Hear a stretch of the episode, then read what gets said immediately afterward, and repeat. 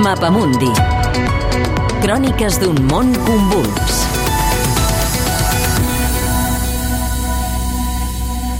La màfia i la Covid al sud d'Itàlia. A la primavera, Itàlia va ser el primer país europeu afectat pel virus. El conillet d'Índies a l'hora d'aplicar mesures de contrast i seguretat. Es va obrir camí a les palpentes i es va mostrar unit en l'emergència amb un alt consens entorn a l'executiu. En aquesta segona onada ha canviat el clima. Hi ha més ràbia que por i l'executiu ha perdut força perquè no han pres les mesures indispensables per afrontar fenòmens que eren previsibles després de la desconsiderada lleugeresa de l'estiu. Apenes tocat pel virus al març i l'abril, el sud ha estat embestit de ple en la segona onada. Madonna santa! Situació crítica sobretot a la campanya, amb aglomeracions als mercats, protestes contra el confinament organitzades per la Camorra, col·lapse sanitari amb cues d'ambulàncies a urgències, caos, desorganització i contagis als hospitals. Pacients Covid al costat de malalts d'altres patologies, falta de controls, manca d'oxigen, un hospital en plena guerra, com ens manifestava un infermer de Nàpols que no va voler dir-nos on treballava. Arriba una llau de pacients, una llau. El problema no són tant els pacients que necessiten cures intensives, sinó els que necessiten ospitalització. Per tant, falten llits. che arrivano in ospedale hanno necessità di ospedalizzazione, quindi servono posti. Vostè parla de gestió criminal en aquesta segona onada. Els hospitals ens continuem infectant amb una enorme gravetat. El 35% dels treballadors sanitaris de la campanya ja estan infectats. És una dada impressionant perquè després de la primera onada això no hauria d'haver passat. No obstant això, el governador de Luca ha dit que no manquen els llits als hospitals. Però hi ha una diferència entre un llit activat i un llit actiu. Una part són llits actius i d'altres no poden ser activats. No perquè no tinguem respiradors o llits equipats, no, no, no, no, no.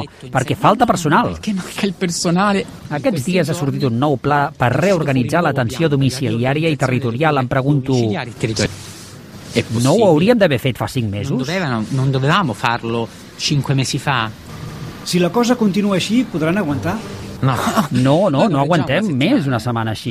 Han d'entendre que estan matant la gent. La gent mor mentre ells juguen a passar-se la culpa política. És culpa meva, és culpa teva, els diners me'ls has donat, no me'ls has donat. No m'importa qui t'hagi donat els diners. Jo he de curar la gent, però m'has de donar les condicions per poder-ho fer. Perquè els morts davant els ulls els tenim nosaltres, no ells, eh? Abbiamo noi, non loro, eh. La situació és encara pitjor a Calàbria, una de les regions més pobres d'Itàlia, on per afrontar la pandèmia hi ha hagut d'intervenir fins i tot la ONG Emergency, que presta atenció sanitària en zones de guerra. A Calàbria, falta de tot. Metges, infermers, anestesistes... El sistema sanitari és inexistent i les poques estructures que hi ha són obsoletes.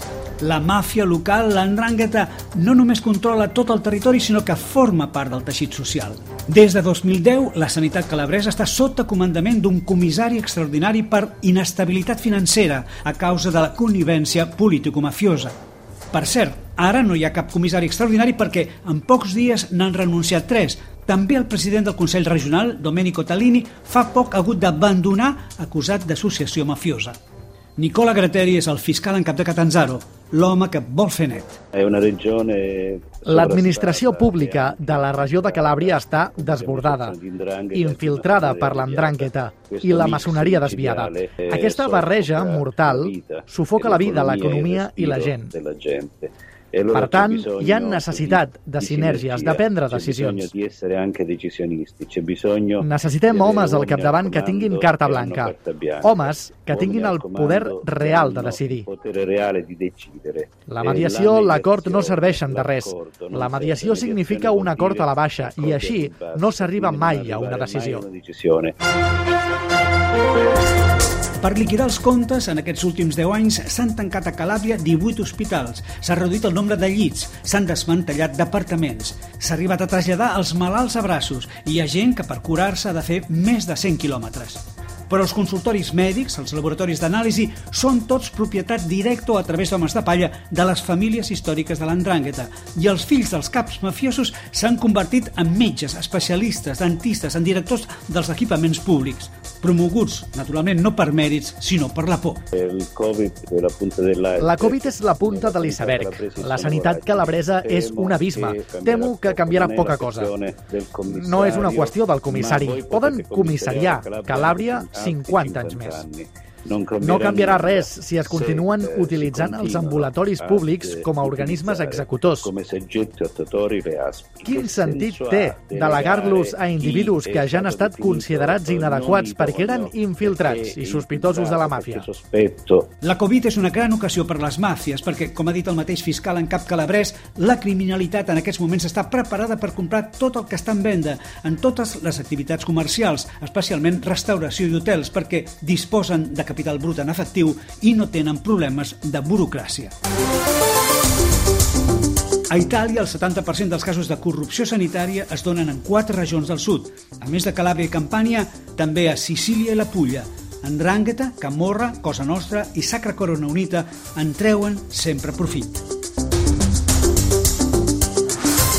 Aquest és un reportatge d'Eduard Rubió amb el muntatge sonor de Salva Pou, disponible al podcast del Mapamundi.